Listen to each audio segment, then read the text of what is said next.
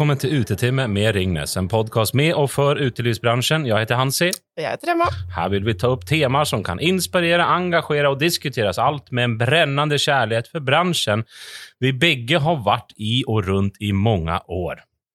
Ja, og eh, nå nærmer vi oss eh, pride-måneden med stormskritt, og i år er det jo litt ekstra spesielt, både fordi det er 50 eh, år siden avkriminaliseringen av homofili i Norge, og ikke minst endelig en, en stor pride uten pandemirestriksjoner.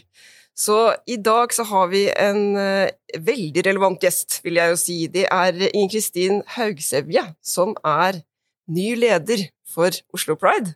Hei. Velkommen! Takk. Hvem er du? Ja, Inger Kristin Haugsevje, eller som eh, de som kjenner meg, kaller meg bare IK. Det liker jeg veldig godt. Jeg uh, har vært med å lage pride i mange år. Var med i Oslo Pride siden 2014. Uh, men uh, nå er det jeg som skal sitte i lederstolen, så dette blir min første Oslo Pride som leder. Hva vil det si når du er leder? Hva gjør du da? Nei, da er jeg ansiktet ut for festivalen. Eh, jeg leder frivilligheten. Eh, Oslo Pride er jo en frivillig festival. Eh, vi har ganske mange hundre frivillige som er med å lage festivalen når den skjer i juni, men vi har også nesten 100 frivillige som engasjerer seg gjennom hele året for å lage festivalen. Og for Oslo Pride så er det veldig viktig at innholdet og identiteten i festivalen den tilhører grasrota, og de frivillige i Oslo Pride de representerer grasrota. Så bra. Eh, jeg gleder meg veldig. Jeg har vært med på Pride i mange år selv og syns det er en, et fantastisk arrangement. Hva sier du, Ansi? Har du vært med, du, eller? Masse. Jeg syns det er en folkefest, og jeg syns det er så kult med både paraden eh, og eh, hva heter det, alltså området med alle de olika standsene Och, och, och, Pride Park i Spikersuppa. Precis. Jeg syns det er helt nydelig. Men er det noe ekstra fokus på noe i år, med tanke på jubileum også? Altså, det jubileet med 50-årsmarkeringen for avkriminaliseringen av sex mellom menn, mm. Eh, det har jo ført til at det er noen institusjoner som har eh, gått sammen og lagd eh, Skeivt kulturår. Det er Nasjonalmuseet, Nasjonalbiblioteket og Skeivt arkiv som har tatt det initiativet. Og det var et initiativ som veldig mange slang seg på, så i år så er det enorm interesse for skeiv kultur, og vi får så mange henvendelser fra folk som har lyst til å gjøre gøye ting sammen med oss i Oslo Pride, eller som har andre ting som skal skje i Skeivt kulturår. Så i år så blir det veldig mye kultur på Oslo Pride. Vi har også laga en egen arena på Youngstorget som vi kaller Pride Square, som vi skal stappe full av skeiv kunst og kultur. Ja, det står at det er nyhet med Pride Square. Kan du forklare mer? Du sier det blir åpent for alle, og hvor lenge er det åpent der? Pride Square er på Youngstorget, åpent for alle. Det er fra 18. til 25. juni, så det blir en hel uke. Ja. Det blir en slags pridepark, det også, men der skal vi ha fokus på de tingene som vi ikke har vært så gode på å ha fokus på i Pride Park tidligere, kanskje. Eller gi enda mer ting, plass til ting som folk har savna. Eksempel så får vi en egen del for eh, barnefamilier eh, og ungdom uten alkohol, som eh, vi kaller Mini-pride. Og der kommer det til å være flott tilbud til barn og barnefamilier på dagtid, og så vil det være ungdomstilbud på, på kveldstid. Og i den andre delen, hvor vi skal servere alkohol, så vil vi ha mer fokus på en litt eldre, mer moden målgruppe, kanskje. Eh, kunst- og kulturinteressert. Det kommer til å være eh, profesjonell skeiv scenekunst i en blackbox som vi har kalt Pridebox. Og så skal vi ha en utescene som vi kaller eh, Proud and Loud, hvor vi samarbeider med eh, Riksscenen, eh, Nasjonal jazzscene, ny musikk og diverse, for å presentere sjangere som man kanskje ikke er så vant til å forbinde med skeiv kultur. Da. Hva er det? ja, sånn som jazz, punk, samtidsmusikk, folkemusikk osv. Fantastisk. Eh, alle de her skeive tilbudene som du sier ekstra, hvor kan, eh, kan, vi finne altså, en liste? Hvor, programmet vårt ligger selvfølgelig på oslopride.no. Ja, og, og, der ligger også programmet til alle andre initiativtakere? Nei, vi, vi, reklamerer kun for våre egne arrangementer, og det er en grunn til det, for vi ønsker å kvalitetssikre vårt program, sånn at eh, alle våre programposter skjer på arenaer som vi kan stå inne for at er åpne og inkluderende. Eh, men vi har lagd eh, noe som heter skeivkulturkalender.no, som er våre frivillige som har lagd, og der kan alle melde inn skeive kulturaktiviteter som skjer i hele landet hele året. Også vi, når det ikke er skeivt kulturår. Det må vi dele i linkområdet her, Nils. Veldig bra. Og vi snakket jo litt først her om dette med 50 år siden avkriminalisering av sex mellom menn. Eh, og 50 år har gått, men eh, vi trenger jo fortsatt eh, pride. Og hvilken rolle har pride spilt, og hvilken rolle har den markeringen i, i dag? Oi, det var et stort spørsmål. Mm. Eh, det begynner jo med, med et opprør, Stonewall-opprøret, eh, som vi skeive ender opp med å bestemme oss for at det skal, det skal ikke være voldelig, det skal ikke være det skal være fest, det skal være glitter, vi skal feire at vi er stolt av den vi er. Om ikke noen andre gjør det, så skal vi i hvert fall være stolt av, av den vi er. Så pride-markeringen er jo veldig annerledes protesttog, da. Det er ikke som 1. mai og, og mange andre sånne eh, demonstrasjoner. Det er jo en eh, glitterfest hvor man skal vise fram det mangfoldet vi skeive er fra kjedelige sånne som meg til uh, mer spennende uttrykk. Um, ja, det er, det er, jo viktig med den synligheten. Mm. Ikke sant. Og, og er, det, er, det, noen forskjell? Altså, hvordan har den utviklingen vært uh, sånn de, de, siste årene? Er det uh, hvordan er uh, samfunnet i dag? Er vi, er vi, mer åpne og inkluderende, eller? Jeg syns det har skjedd en veldig stor endring de siste fem-seks årene, egentlig. Um, jeg er jo født på en Altså, jeg er så gammel at jeg husker hvordan det var å være skeiv uten internett.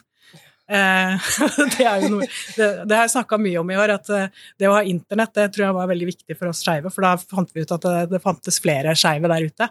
Uh, men det er ikke så veldig mange år siden det å være skeiv var noe jeg ikke liksom fronta, eller ikke følte at jeg ble møtt på på samme måte som jeg blir nå. Eh, nå ser folk av seg sjøl at jeg er skeiv, og det er ikke noe som må tematiseres. Mens eh, for ikke så veldig mange år siden så var det liksom Å, du, du er skeiv, ja, da må vi snakke om det resten av kvelden. Ja, ikke sant. Og det er jo kanskje noe med disse eh, Altså den yngre generasjonen også, som har et, eh, et litt annerledes syn på det enn Sånn, sånn som meg og eldre, det, den generasjonen, eller? Ja, de er så skeive og herlige, hele gjengen. De er ikke så opptatt av disse boksene Nei, som, som, vi har måttet bryte ut av, vi som er litt eldre. Mm. Eh, men samtidig så, så, er det jo også et eller annet med, som jeg tenker er fint med denne historiske markeringen i år, at det er viktig å huske historien. Mm. Det er viktig at de som er eh, 13-14-15-16 år i dag, vet at det har ikke alltid vært sånn. Og hvis man ikke passer seg, så kan det hende at det blir vanskelig igjen. Det mm. ser vi i enkelte land eh, hvis vi snur oss litt utenfor Norge, da. Ja, får ni noen andre delegasjoner fra andre länder som kommer her for å få sånn inspirasjon? Ja, vi har, eh, vi har, et eget solidaritetsprogram i Oslo Pride som vi har hatt i mange år. Eh, og Det handler ikke om at andre skal komme hit og hente inspirasjon, men det handler om en likeverdig utveksling av erfaringer og kunnskap og nettverk. Fordi sammen så står vi mye sterkere. Så Oslo Pride er en aktiv eh, medlem i eh, European Pride Organizers Association, EPOA, mm. veldig vanskelig å si, eh, som er en europeisk organisasjon som deler ut hvem som skal ha Europride hvert år, men som også jobber veldig aktivt med å støtte aktivistene som lager pride rundt omkring i Europa. Og de fleste land, er ikke de fleste, men ganske mange land østover i Europa, så er det er det å lage pride en veldig sterk politisk handling, mens i mm. Norge så har vi kanskje litt mer over en folkefest, akkurat sånn som det er nå. Mm. Og sier det, pride er jo, som i Norge, da, det er jo veldig mye, du, når du nevner alt det du nevnte i, i sted som, som, skal skje. Eh, og det er mye, men er det, er det plass til alle? Det er Selvfølgelig er det plass til alle. Altså, jeg syns det er kjempegøy at uh, Stein Runar i Oslo Pride har lagd en oversikt over alle norske prider. Nå er det jeg tror det er 80 norske prider han har på kartet sitt. Eh, I gamle dager så var det liksom én eller to prider, nå er det en pride i hver bygd. Eh, og jeg hadde aldri trodd at det skulle bli pride i Bø, der jeg kommer fra, som jeg var vokst opp, men det blir det i år. Og til og med i nabobygdene Lunde og Seljord blir det pride i år. Det har aldri skjedd før. Det er så gøy. Og hvor finner man oversikten over det her? Eh, norskeprider.info. Takk. ja, det, er jo fantastisk. Altså, altså innenfor jeg, jeg, opplever jo at pride er veldig, veldig åpent og inkluderende. Er det sånn Jeg vet jo at noen føler at de fortsatt ikke tør å, å komme ut. De, de, vil ikke gå i, i, parade eller være med på dette og, og, vise det. Og jeg vet også at mange går for de som ikke tør å gå. Hvordan kommer vi videre der?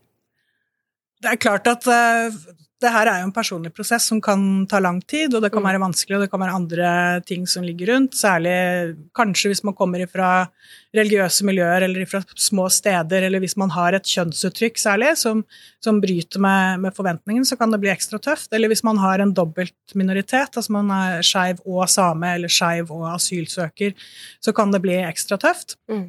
Uh, det å skape trygge rom til å kunne være seg selv sammen med andre man kjenner seg igjen i, det er en veldig viktig, viktig ting i den modningsprosessen. Og det er en av de grunnene til at Oslo Pride må lages av frivillige. Vi må eh, være en arena hvor frivillige kan komme, være kanskje litt usikre, sammen med andre. Eh, utforske seg selv gjennom det å lage priden. Og så trenger de ikke nødvendigvis å gå foran i paraden, men de har vært med å lage det, og de kjenner et eierskap til det, og de har fått utvikle og kjenne på hvem de er sammen med andre i trygge rammer. Da. Ja, og det er nettopp det du sier med å lage disse trygge rommene. Eh, når vi snakker med utelivsbransjen, da, hvordan kan vi som bransje bidra til det? Der har, har vi i styret i Oslo Pride gjort dere en liten tjeneste i år. For det, fra og med i år så er det sånn at for å ha et arrangement på Oslo Pride sitt program, så må det være et samarbeid. Og for å ha et samarbeid med Oslo Pride, så stiller vi noen strenge krav. Eh, man skal ha personale på jobb som har eh, opplæring i eh, mangfold, og da med særlig fokus på kjønn- og seksualitetsmangfold.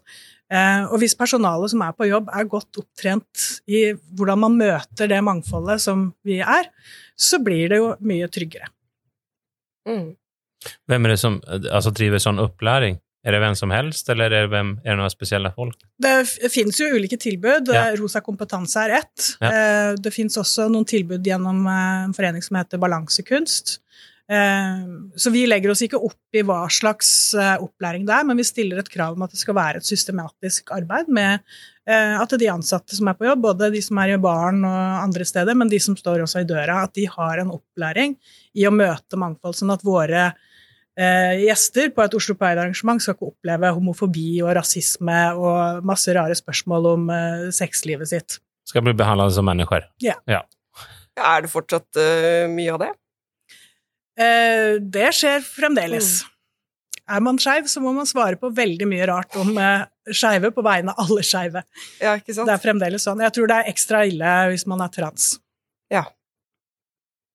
Ja, det Jeg håper jo at uh, vi kan komme litt videre, videre, der. Vi jobber jo uh, med Rosa kompetanse uh, i, i, Ringnes, og, og syns det er fantastisk å få, få, gode ord å bruke, og, og, forstå hvordan vi kan snakke om, snakke, om, disse tingene, og være faktisk mer åpne og inkluderende som, som, arbeidsgiver og, og kollegaer også. Mm. Så jeg håper jo at flere i utelivsbransjen vil Eh, vil følge opp eh, den type programmer. Absolutt. Har man kompetanse og et bevisst språk, så kommer man veldig langt. Ikke sant?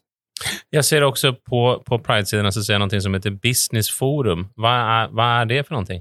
Business Forum det er uh, businesskonferansen til Oslo Pride. Så det er en dag hvor vi setter fokus på skeive perspektiver i arbeidslivet og i næringslivet.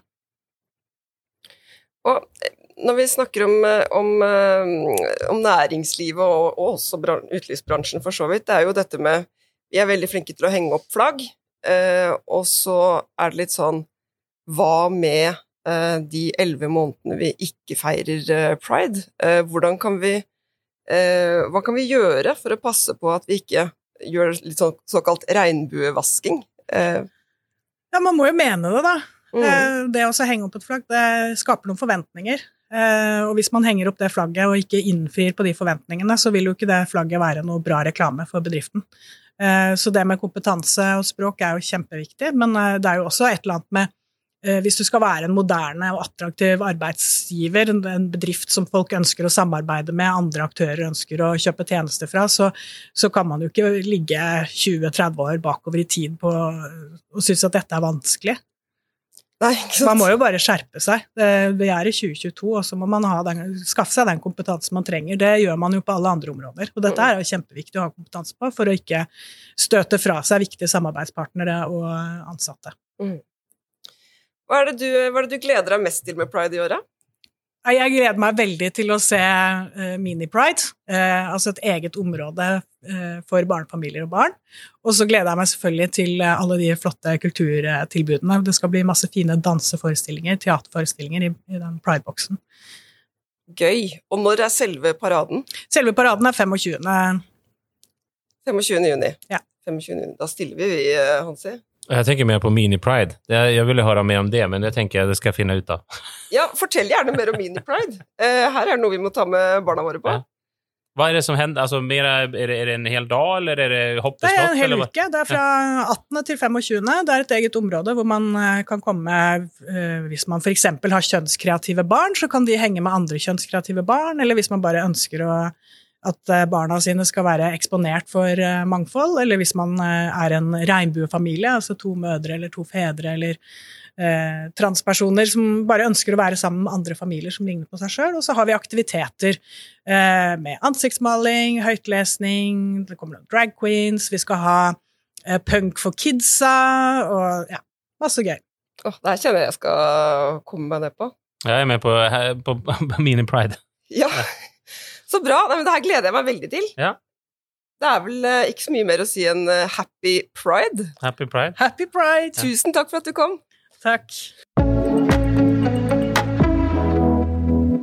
Fra årets pride og 50-årsjubileum i Norge så skal vi over til en annen viktig begivenhet. Vår kollega Lars Bevanger skal ta turen til Stonewall Inn, eh, baren i New York, der hele Pride-bevegelsen begynte den 28. juni i 1969. Han skal intervjue innehaverne og drifterne Kurt Kelly og Stacey Lance. God lytting. Jeg er så heldig å ha med meg Kurt Kelly, som er eier og driver The Stonewall Inn i dag eh, i New York, og Stacey Lenz, som er medeier og også grunnlegger av The Stonewall Inn Gives Back Initiative, eh, som er en veldedig organisasjon som støtter LHBT-grupperinger og organisasjoner i USA og rundt i verden. So Kurt, if we start back at the beginning in 1969, what happened and why has that become so important for the LGBTQ plus movement today? Well, back in 1969, it was essentially illegal to be gay. You couldn't serve a drink to a gay person. Two women couldn't dance together, two men couldn't dance together. It was, you had to have three articles of clothing that matched your gender. There was, it was, it was just illegal to be gay. I mean, um, back then it was, it, it, even though it was illegal to be gay, in the, uh, in the underground, the mafia, they knew that's where the money was. You know, gays didn't have families, they had lots of money and they wanted to go out. And it's actually one of the actual first um, safe spaces. And what happened was the mafia used to pay off the police. So every month, you know, uh, they would be, the police would be paid off. If the mafia didn't pay them off, the police would come, i.e., the Stonewall, and raid the place and harass the customers, arrest them, uh, harass the uh, uh um, bartenders, take money from them, um, so this was was this kind happened a lot in the 60s or in 69. And um, finally, in June 28th, 1969, they were fed up and they fought back. The police barricaded themselves inside the, the bar because they feared their lives because they were banging on the on the door and everything to get in. Um, so that was the beginning of fighting back for the first time to say that, hey, don't tell me who I can love. A year later, we had our first gay pride parade because of what happened at the Stonewall in 1969. June 27th, ni- uh, June 28th, 1969. So the very first Pride March in New York was the anniversary of, of that riot. Right. Uh, so what kind of bar was the Stonewall Inn back then? I mean, it was a gay bar, but who were the clientele? Were they just homosexual men? There were women there. There are drag queens. There's transgender. There's everyone was there. But the majority of them, of what I, and, and I'm just going from what people said that were there during the riots and during that time. So it was it was a mix of everyone. And when the police would come in, they used to have a blue light. When that blue light went off, the guys would grab a woman and they would start dancing together because it was illegal to dance with the same sex. Um, Stacey, you've also founded the Stonewall Inn Gives Back initiative. Tell us about that. Yeah, so actually, Kurt and his brother and one of our other partners um, had talked about having a nonprofit and then approached me because I had kind of been the, the voice of activism for the bar um, since we bought it in 2006. So I was very active in the community, throwing lots of nonprofit and charity events, not only at Stonewall, but in other spaces as well, uh, attending marches, putting together protests and rallies, and, and really starting to use Stonewall as a vehicle uh, for LGBTQ rights uh, and putting it back at the forefront.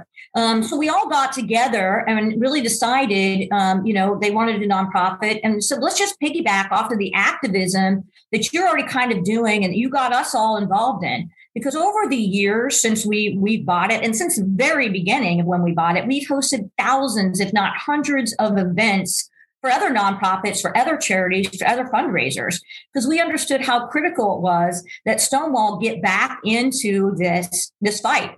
Um, it's the place it started. It needs to be at the forefront of LGBTQ rights globally, um, enforcing those changes around laws and things around the globe. Um, so that was really important to all of us. And so that's where the Stonewall Inn Gives Back initiative um, really came from. It was also really important for us to look at places outside of New York and LA and San Francisco here in the States where it's pretty easy to be LGBTQ. Uh, it's not it's not a cakewalk, but it's easier. If you go to places, Mississippi, Kansas, Tennessee, rural areas across the country or in the Midwest and South here in the States, they still face daily stigma. So it's a much difficult uh, conversation around being out, around being open. Um, so, you know, people are still being kicked out of their homes. They're still being fired, although that just changed recently. So there's a lot of different things that we wanted to focus on outside of the large metropolitan bubble cities, um, you know, and use Stonewall and spread that message. It's the Stonewall legacy. We own that legacy and we're aware of that. So we want to be the innkeepers of history and spread that legacy to the places around the globe, starting here in the US, that need it the most, that need their Stonewall moment. So I guess Norway is a pretty progressive place in terms of LGBTQ plus. Oh, yeah. But uh, uh, would you still be looking for, uh, for for anyone to cooperate with it in Norway? A hundred percent. I mean, you know, um, as we're moving forward and looking what we can do in, in partnerships globally, I know you have the FRI organization. Um, so I think there's some some different partnerships we could find in Norway. Um, we also really, for us, um, like to pick grassroots organizations, smaller organizations to partner with. Because we feel like that's a better uh, kind of fit for us because they typically need the most help. And we understand with Stonewall, we have a very large platform. Um, so we want to make hmm. sure that we're doing that. But we'll probably start with your, your organization called FRI. Um, I'm kind of familiar with them, and, and maybe they can guide us to some grassroots partnerships. So, Kurt, the young people today, if we should talk about them, do they know the story, the history of the Stonewall Inn when when they come to the bar, for instance? I don't think the youth of today realizes what those people went through in 1969 to fight for their right to say who they love today. And I think it's really important that the youth knows their history. Because if they don't know their history, they can't really have a future, or they might not have a future if they don't know what happened in the past. So you've been running the bar for about 15 years now. Uh, what are some of your most precious memories of that time? It would have to have been the time when um, in Orlando they had the gay shooting called Pulse, and um, they everyone went to the Stonewall. It became the gay church. Everyone went to mourn. They had a memorial there. The governor, uh, the governor was there. The mayor was there. I actually walked down the sidewalk with the mayor. Um, but that morning of Pulse, I got a phone call from the police saying they told me what happened. I had no idea what happened because I was it was while I was sleeping. And they said, so we were going to go there. We just want to you, let you know that we're going to protect the club. We're going to, you know, protect the club. And I was in the back of my mind going, wow, 50 years later, later, they're here now protecting us. And Stacey, what, what about you? Have you got uh, any particular memories you want to share? I, I think there's really there's so many. Um, honestly, we both and and uh, a lot of people that work at Stonewall, we've kind of had a front row seat to history. Uh, there's been so much in terms of the LGBTQ rights movement that we've got to kind of witness or be a part of firsthand um, over the past years. Um, I would have to say, when marriage equality finally passed in New York, for me, that was just an overwhelming moment um, of celebration literally thousands of people as soon as it, it was announced. Uh, and we didn't think it was going to pass. We had actually sent teams um, to Albany to speak and, and to rally and to do different things, groups like begging our, our uh, you know, our legislature here in New York to pass marriage. Uh, mm-hmm. So when that finally happened, to see everybody just a party in the streets in front of Stonewall. I mean, five, probably 5,000 people just out there drinking champagne, celebrating, hugging each other. I never thought in my lifetime, actually, that I would get to see us be able to even get married. Uh, and I think what we do have to remember, though, a lot of people thought, okay, once we have marriage equality, the fight's done. We're equal, which is so not true. Um, you know, up until last year, there were still 28 states you could be fired for here in the US for being LGBTQ. Stacey Lenz, Kurt Kelly, thank you so much for joining us.